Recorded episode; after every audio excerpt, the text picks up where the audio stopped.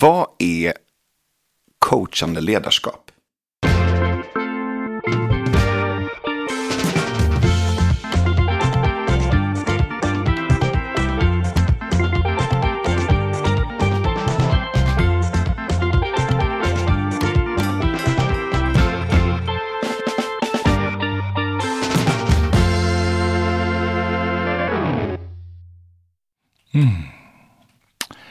Coachande ledarskap är ett ledarskap som bygger på ett coachande förhållningssätt.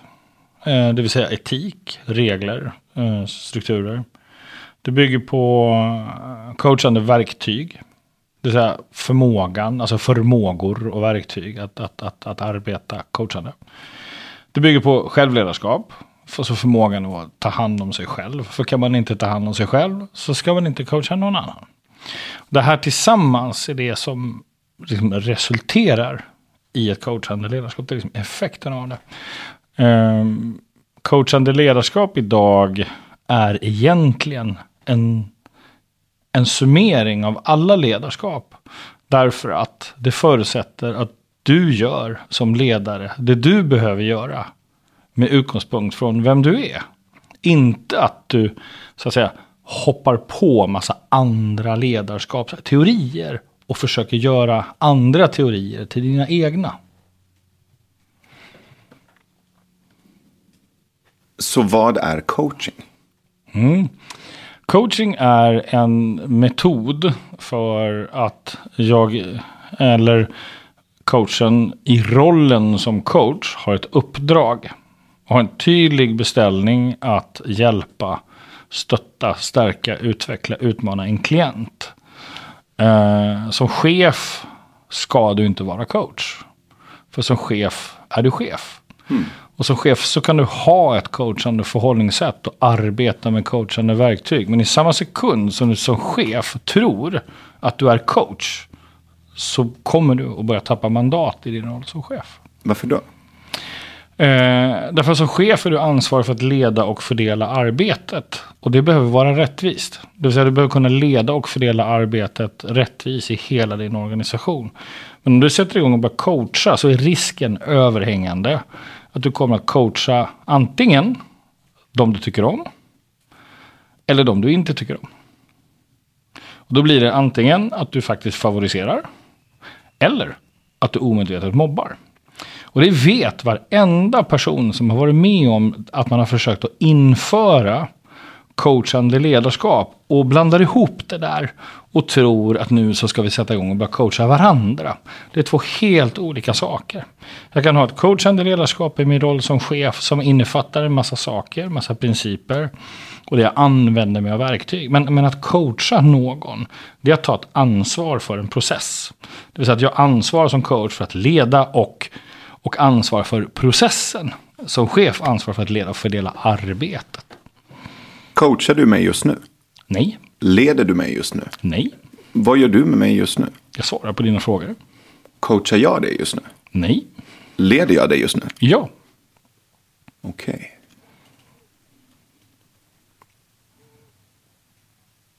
Kan vem som helst coacha vem som helst? Eh, Eh, alltså, eh, så här. Är vatten blött? Ja. Eh, kan vem som helst coacha vem som helst? Ja. Det är sant men det säger inte så mycket. Exakt. För det, det handlar ju liksom om eh, hur ser överenskommelsen ut mellan coachen och klienten? Vad är det för utmaningar man sitter med? Eh, det finns ju ett, ett vanligt, eh, en vanlig sammanblandning när man pratar om coaching till exempel. Så, så finns det något som heter livscoach eller sexcoach mm. eller arbetscoach. Och redan där har det upphört att vara coaching. Därför att coaching, om jag ska coacha dig så måste min roll som coach vara förutsättningslös. Och till 100% utgå ifrån vad klienten behöver. Men om jag från början har bestämt vad vi ska prata om, då är det ju jag som bestämmer vad vi ska prata om. Då är det projicering och överföring. Det är någonting helt annat. Och att sätta gränser för vad vi får prata och inte får prata om. För om du tänker själv, ifall, ifall du skulle gå till en, en livscoach. Och så för att du har ont i livet. Finns tabletter för det där. ja, men du har ont i livet. Och så, och så, och så, och så plötsligt så, så, så, så börjar samtalet handla om att du i din yrkesroll har en otydlig chef. Och därför känner du stress på arbetet. Då kommer du ha en utmaning och, och få det här att hänga ihop. Och, och, och det är det där att få det att hänga ihop som jag tänker är, det är en av de viktigaste kompetenserna man som coach ska ha. Det vill säga att, att klara av att se helhet, att se var, var någonstans befinner sig klienten, vad är det för värld klienten befinner sig i, vad har klienten för utmaningar i helheten. Och då kommer man säga, jaha, är du holistisk coach? Svar nej, coach. Vad skulle du fråga mig just nu för att få syn på min värld? Jag skulle ställa dig den frågan, så hur ser din värld ut just nu? Vad, vad är viktigt för dig just nu? Vad är eh, angeläget just nu? Eh, när du somnar, vilka, liksom, vad, vilka tankar fyller, eh, fyller din liksom, mentala tid? Eh, vilka känslor vaknar du med på morgonen? Eh, vad är det som får dig att, att bli ännu mer angelägen i ditt eget liv? Eh, vad är det som hjälper dig att fylla en funktion för fler? Och, och den där sista frågan tänker jag, eh, det är ju för mig är det en del av det som jag anser vara det viktigaste coachande förhållningssättet. Jag tycker att det är en skillnad också på Alltså var någonstans, när blir ett ledarskap ett gott ledarskap? Och då tänker jag att i samma sekund som, som mina insikter och, och, mina, och mitt inre arbete kommer till gagn för fler. Där händer någonting så, som jag tycker är viktigt. Men så länge som mina insikter bara kommer till gagn för mig, då är det någonting annat.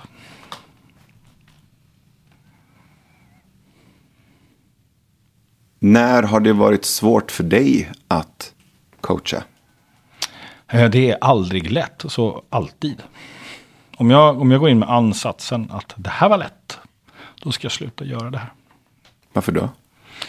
Därför att varje människa är unik, varje klient är unik. Jag kan ha träffat en och samma klient hundra gånger. Eh, men varje tillfälle är unik. I samma sekund som jag tar hänsyn till de 99 gångerna tidigare vad vi har sagt och utgår ifrån att det är kriteriet för dagens samtal. Då har ju jag också börjat låsa in dina möjligheter. Så, så, eh, så varje samtal är unikt, varje klient är unik. Eh, och, och det har jag, jag, rent etiskt, jag måste erkänna det, eller erkänna, vara tydlig och ärlig med det. Att, att jag, det har ju hänt att jag märker att jag i mitt arbete så, så smyger in en slentrian. Jag märker att jag ställer en fråga med ny klient och lite glider på lyssnandet.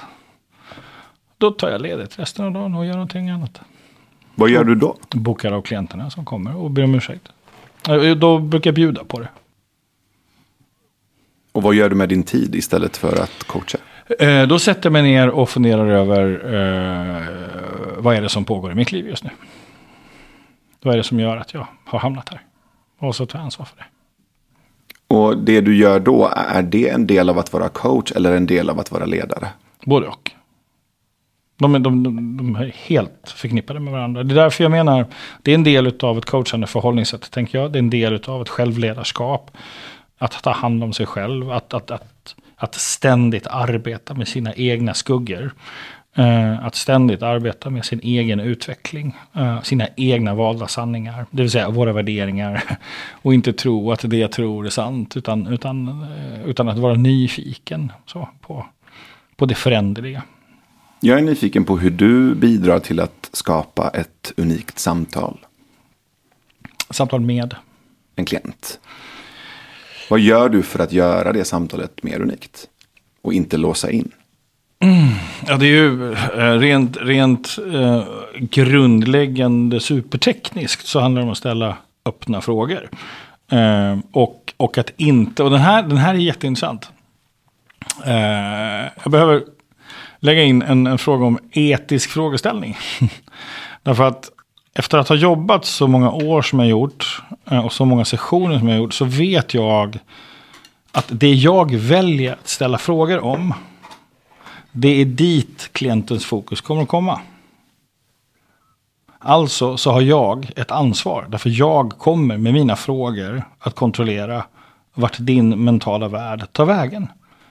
Och om jag inte har en ödmjukhet i det, om inte jag har en nyfikenhet i det, eh, om jag väljer att tro på att allt det du säger är sant, så som du tror att det är sant, då, då är jag ju på något sätt på fel väg.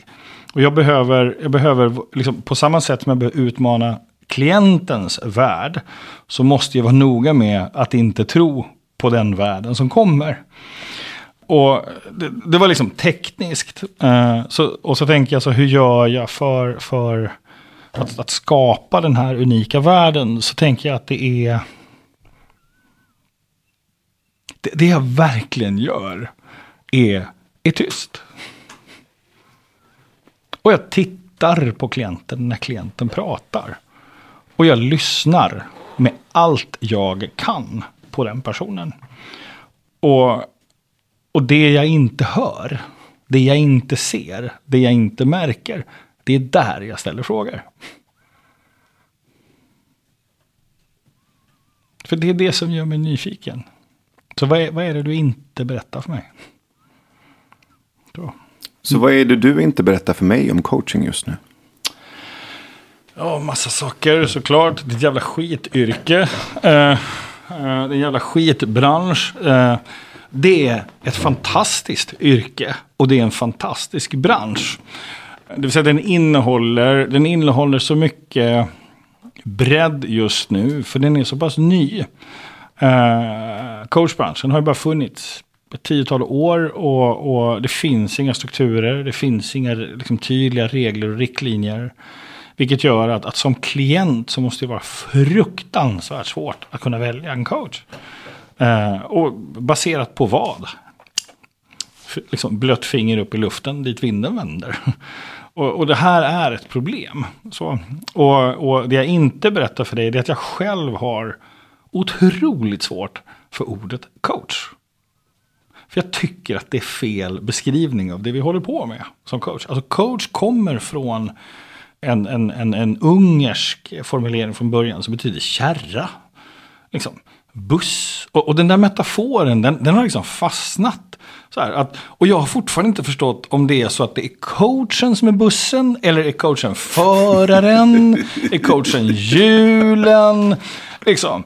Eh, och, och, och vad fan ska vi med kärran? Och, eller är det, är det jag som är coach? Eller är det klienten som kliver på bussen? Men hur funkar det då? Men om klienten kliver på bussen och jag kör bussen, då är det jag som styr. Vänta nu, men jag styr, då kommer jag styra klienten dit klienten säger att vi ska. Ja, men det är fint.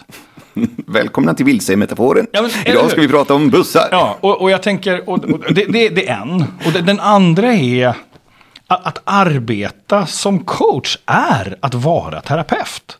Du arbetar med en terapeutisk process. Terapi betyder förändring. Det vill säga jag arbetar med förändring. Skillnaden är, är att jag behandlar inte sjukdom.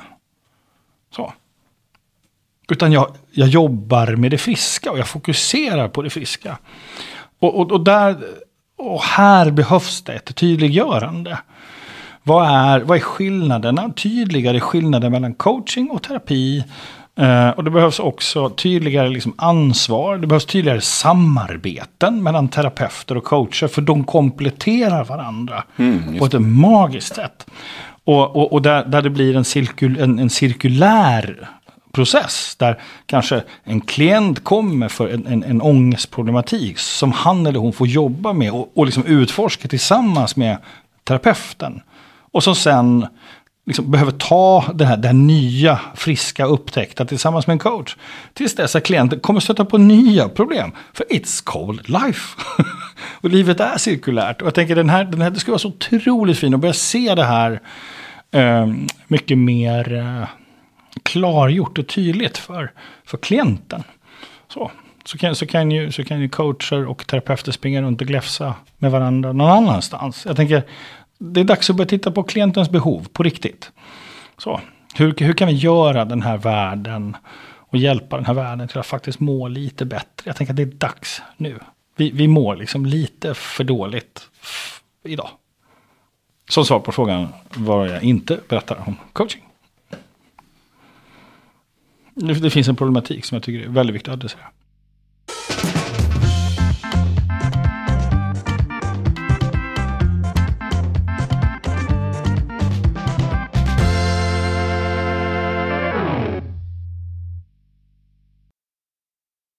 Och vart är coachingen på väg? Om du får gissa och önska. Ja, men gissning är inte så, den är inte så långsökt. Eh, det som har hänt det är att coachingen tenderar mer och mer att bli arbetsrelaterad. Man, man brukar säga, eh, den uppdelningen har börjat uppstå. Att sköta för liksom privata privatprocesser. och, och arbete för arbetsprocesser. Mm. Alltså coaching är för arbetsprocesser. Och, och, och det, det, är felaktigt sätt att se på det.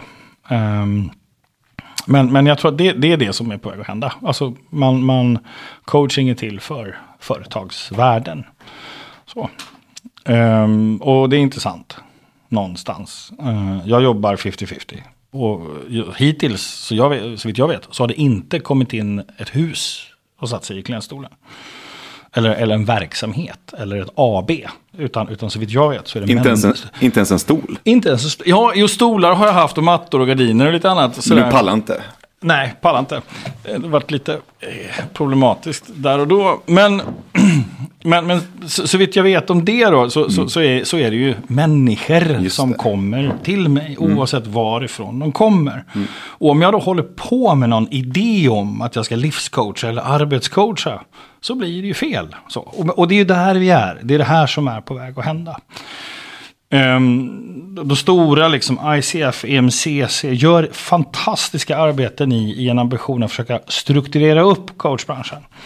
Men, men så, så, kommer det till pengar och så, och så kommer det till medlemskap och så kommer det till vidareutbildningar och så, eh, och så blir det liksom inskränkt istället för ett, liksom ett större perspektiv på klienten. Vad behöver klienten? Så.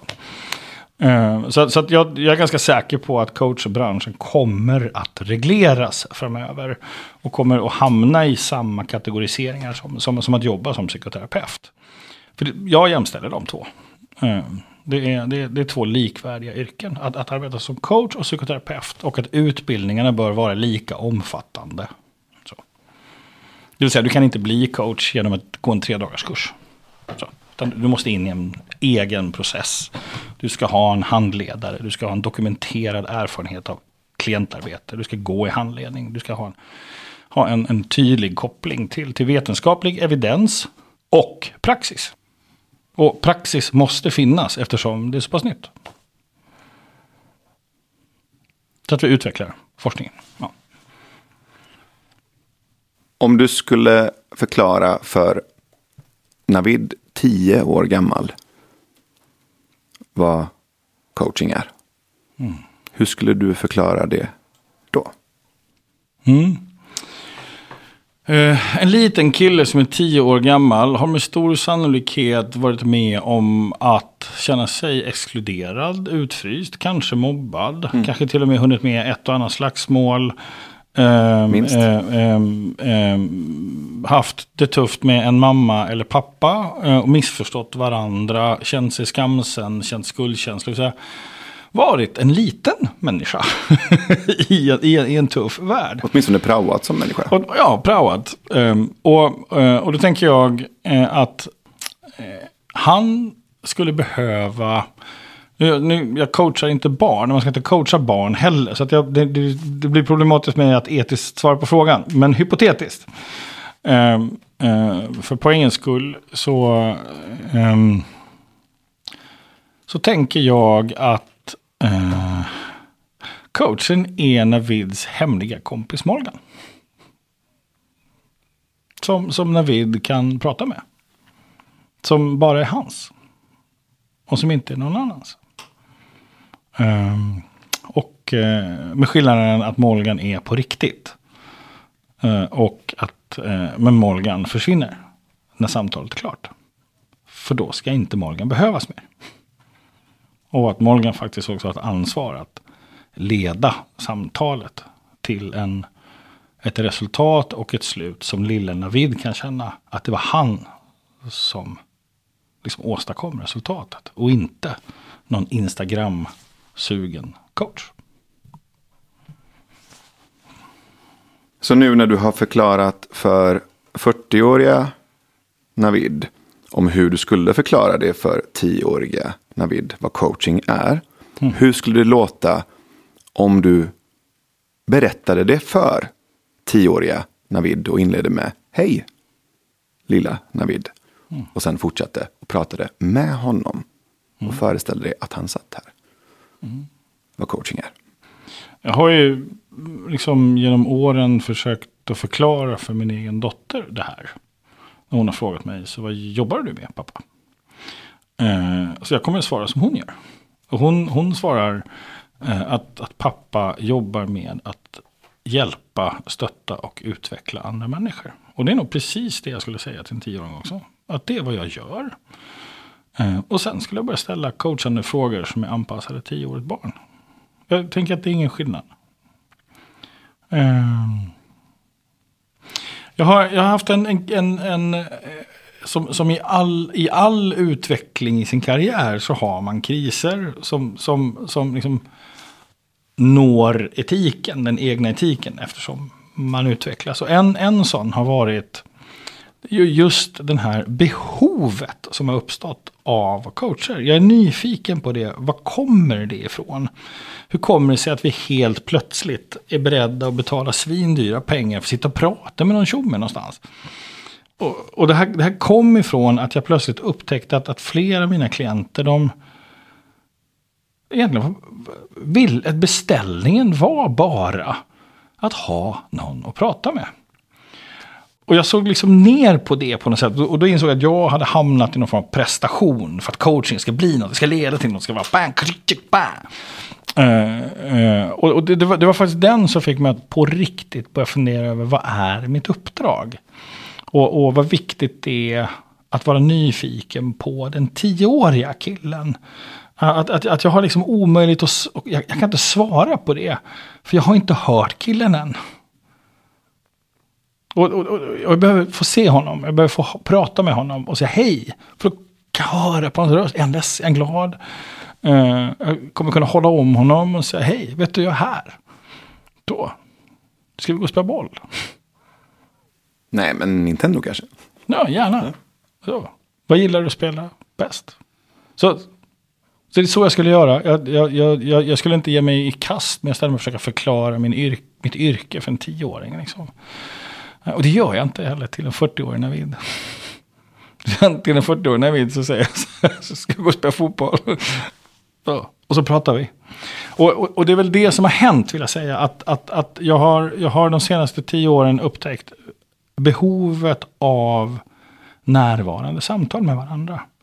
Att, att, att vara oss själva i de samtalen och att prata med varandra på riktigt om saker som berör, som, som är angelägna och som pågår. Och jag tänker, och där, där, där blir coaching ett fantastiskt fint verktyg, tycker jag.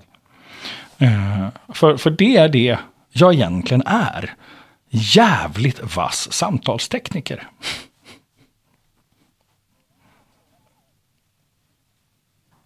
Vad är ett samtal egentligen?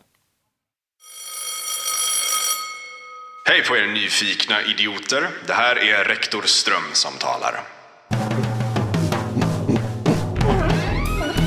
Jag hoppas att lektionen i coachande ledarskap tillsammans med Alexander varit coachigt fräscht. Om ni vill lära er ännu mer om coachning med Alexander går ni in på www.patreon.com nyfikna idioter. Där hittar ni också fortsättningen på de andra påbörjade kurserna om berättelser med Stina Oskarsson, lycka med Kai Pollak och språk med Torbjörn Ilenski. Med det önskar jag er en fortsatt nyfiken dag. Hälsningar Rektor Ström.